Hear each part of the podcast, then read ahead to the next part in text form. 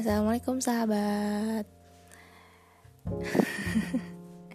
Apa kabarnya nih? Asik. Udah lama banget aku gak bikin podcast. Dan aku pengen sharing sesuatu.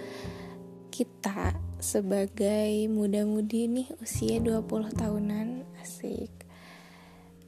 Pasti udah pada mulai dapat undangan pernikahan sendiri kan? Yang bukan atas nama orang tua lagi gitu ya teman SMP lah teman SMA teman SD teman TK teman kuliah. Pasti udah banyak yang nikah kan? Ya kan ya kan? Apalagi lagi masa-masanya nih buat kalian yang baru lulus kuliah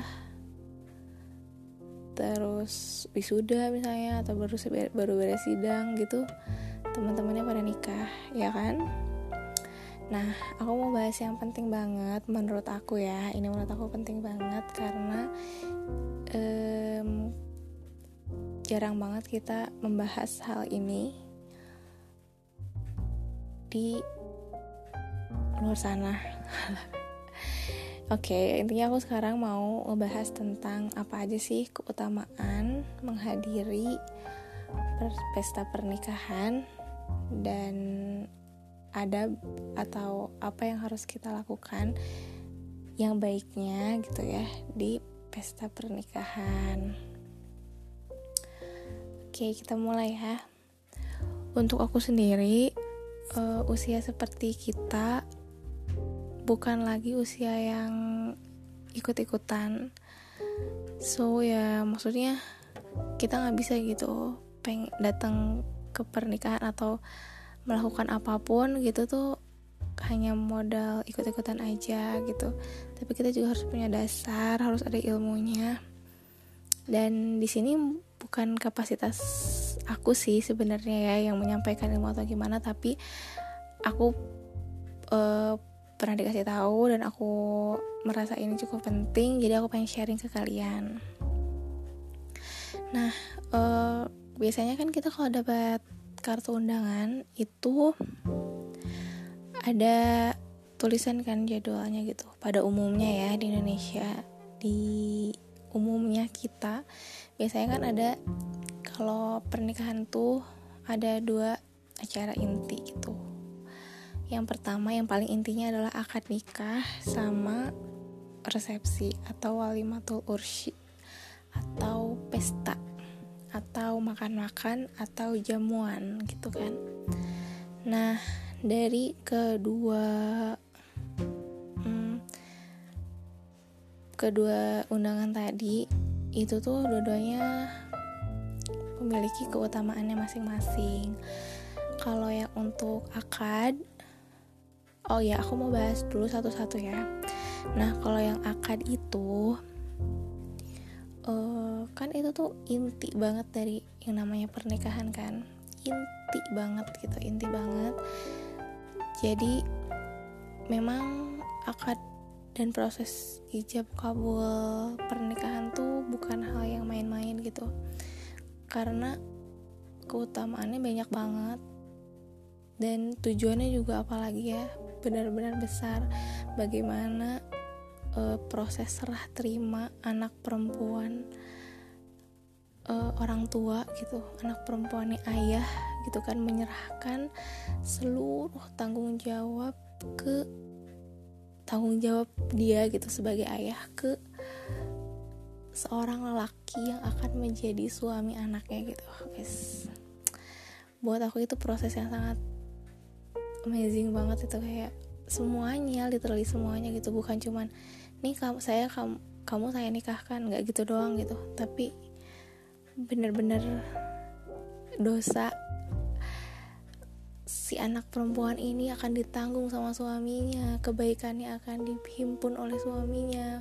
Suami harus mendidik suami harus menafkahi bertanggung jawab. Gitu tuh proses yang apa ya akad nikah tuh proses yang nggak main-main gitu janjinya pun bukan cuman janji janji semata atau penerimaan semata gitu dari seorang laki-laki atau dari seorang ayah ke laki-laki yang akan menjadi suami anaknya. Tapi juga seluruhnya gitu.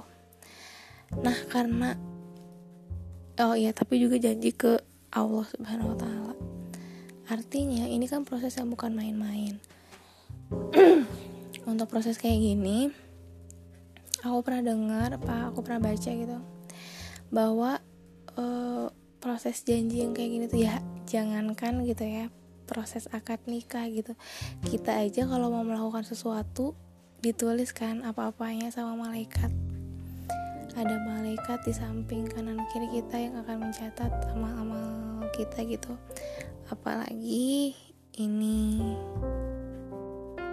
uh, apa namanya malaikatnya nggak cuman kanan kiri kita doang gitu yang mencatat uh, apa namanya proses pernikahan itu gitu. Tapi bener-bener beribu-ribu sayap-sayap malaikat berada di situ dan akan menaikkan seluruh kebaikan yang ada di uh, pernikahan itu gitu ke langit. Akan menaikkan doa-doa. Makanya biasanya kalau misalnya di akad itu di apa namanya disunahkan untuk baca asyhadu alla dulu di awalnya terus istighfar dulu terus apa lagi ya terus ada khutbah dulu ada baca Quran dulu biasanya gitu kan itu sunah sunahnya gitu. Karena memang mau menghimpun sebanyak banyaknya kebaikan supaya Allah ridho gitu. Dan nanti si kebaikan kebaikan kebaikan itu akan dibawa dan dilaporkan oleh malaikat dan untuk diaminkan gitu. Nah, kita nih sebagai tamu yang hadir ke pernikahan prosesi akadnya itu harus sangat sangat sangat bisa menjaga uh, kehikmatan si acara akad tersebut gitu. Nah, gimana caranya? Caranya itu adalah ketika proses akad sangat sangat sangat diusahakan kita eh, nggak uh, cuman sibuk ngefoto-fotoin gitu ya kita kan biasanya gitu ya sibuk ngefoto-fotoin gitu pas saya terima nikahnya loh kita tuh sibuk ngefotoin gitu. Padahal ada yang lebih penting adalah sebenarnya boleh-boleh aja tapi ada gitu yang lebih penting yaitu dengan kita ikut menyaksikan dan mendoakan gitu setelahnya. Sebetulnya kalau prosesinya gitu ya. Nah ini nih yang habis prosesinya. Biasanya kan berdoa kan nah kita tuh selalu banyaknya nge-selfie selfiein apa segala macam gitu gitu alangkah lebih baiknya kalau ketika lagi berdoa itu kita juga ikut berdoa dengan khusyuk. Jangan lupa ada banyak malaikat. Jadi ketika saya terima nikahnya sah sah itu langsung wah penuh malaikat di sana. Udah gitu kan ada doa dan segala macam. Malaikat tuh sibuk mencatat sibuk mengaminkan doa doa dari uh, kedua mempelai gitu. Dan kita sebagai tamu juga harus ikut mendoakan khususnya untuk kedua mempelai. Dan kita sendiri boleh berdoa buat kita sendiri gitu. Sebanyak banyaknya karena itu uh, apa peluang kita untuk diaminkan gitu doa doanya oleh malaikat gitu. Nah uh, ini sih yang biasanya selalu lupa dari kita gitu. Terus nah kalau misalnya acara pernikahan gitu kan undangan pernikahan gitu kata dia udah bilang ya di awal ada dua gitu ada akad sama resepsi. Kalau misalnya itu teman dekat atau gimana kan karena keutamaannya juga gitu ya doa doanya kebarokahnya banyak di akad gitu. Kalau bisa kita datangnya pas akad. Cuman kalau misalnya memang mau datang di akad biasanya kan kalau di kita akad tuh cuman keluarga aja gitu sama kerabat dekat. Nah kalau kita mau menyaksikan akadnya Angka lebih baik kalau kita izin dulu ke pengantinnya boleh nggak kita datangnya pas akad gitu? Karena kita mau ngejar keutamaan akad tadi. Nah itu yang ke berapa ya? Yang kedua. Nah yang ketiga uh, apa namanya? Bagian walimatul ursi atau resepsi. Oh ya aku lupa uh, apa namanya hukum mendatangi mendatangi pernikahan itu wajib ya. Wajib pun wajib. Ketika seorang muslim mengundang kita untuk datang ke rumahnya atau meng mengundang kita untuk um, ke pesta pernikahannya kita wajib banget datang kecuali kita memang sedang jauh di luar kota yang tidak memungkinkan gitu. Terus kalau misalnya kita benar-benar jauh dan sedang membahayakan gitu kondisinya lagi ada demo lagi ada corona gitu kan dan kita nggak memungkinkan untuk datang itu boleh nggak datang tapi tetap harus bilang gitu kan. Itu jadi kita wajib datang ya dan tidak boleh juga kita hadir kalau nggak diundang gitu ya kan kita kan. Kecuali memang kan kalau di kita kebiasaannya kalau misalnya ngundang satu gitu kita tuh boleh bawa satu orang lagi. Nah itu kalau itu nggak apa-apa. Tapi kalau misalnya kita benar-benar nggak diundang kita nggak punya temen yang di situ juga gitu nggak diajak temen yang diundang gitu jangan nggak boleh nggak boleh datang gitu kan. Nah selanjutnya adalah kita tidak menunda-nunda untuk datang yang namanya juga kebaikan ya. Jadi jangan ditunda-tunda gitu karena ini salah satu memenuhi undangan saudara kita tuh salah satu kewajiban kita terhadap muslim lainnya gitu. Selanjutnya tidak membeda-bedakan undangan orang kaya dan orang miskin. Misalnya ini mah yang undangnya orang miskin aku nggak mau datang itu tidak boleh ya sudah mah tidak terpuji gitu. Tapi juga memang tidak ada tidak pokoknya sangat disayangkan gitu kalau misalnya kita membeda-bedakan gitu. Aku mau datangnya ke yang banyak makannya aja gitu. Aku mau yang datangnya ke orang yang orang kaya aja. Itu tolong jangan banget. Gak bagus woi gitu. Selanjutnya uh, untuk perempuan nih dandannya sewajarnya aja. Jangan sampai tabaruj gitu. Dan dan sewajarnya tuh ya sewajarnya ya jangan sampai lebih heboh dari pengantin you know. Tapi diusahakan juga untuk kita memakai pakaian yang rapi yang terbaik baju kita terbaik.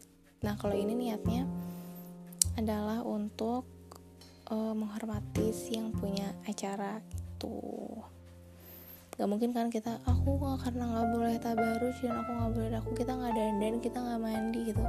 Dan pakai baju seadanya aja kayak mau ke pasar enggak kan kayak gitu. Enggak juga sih kayaknya nggak ada yang kayak gitu ya.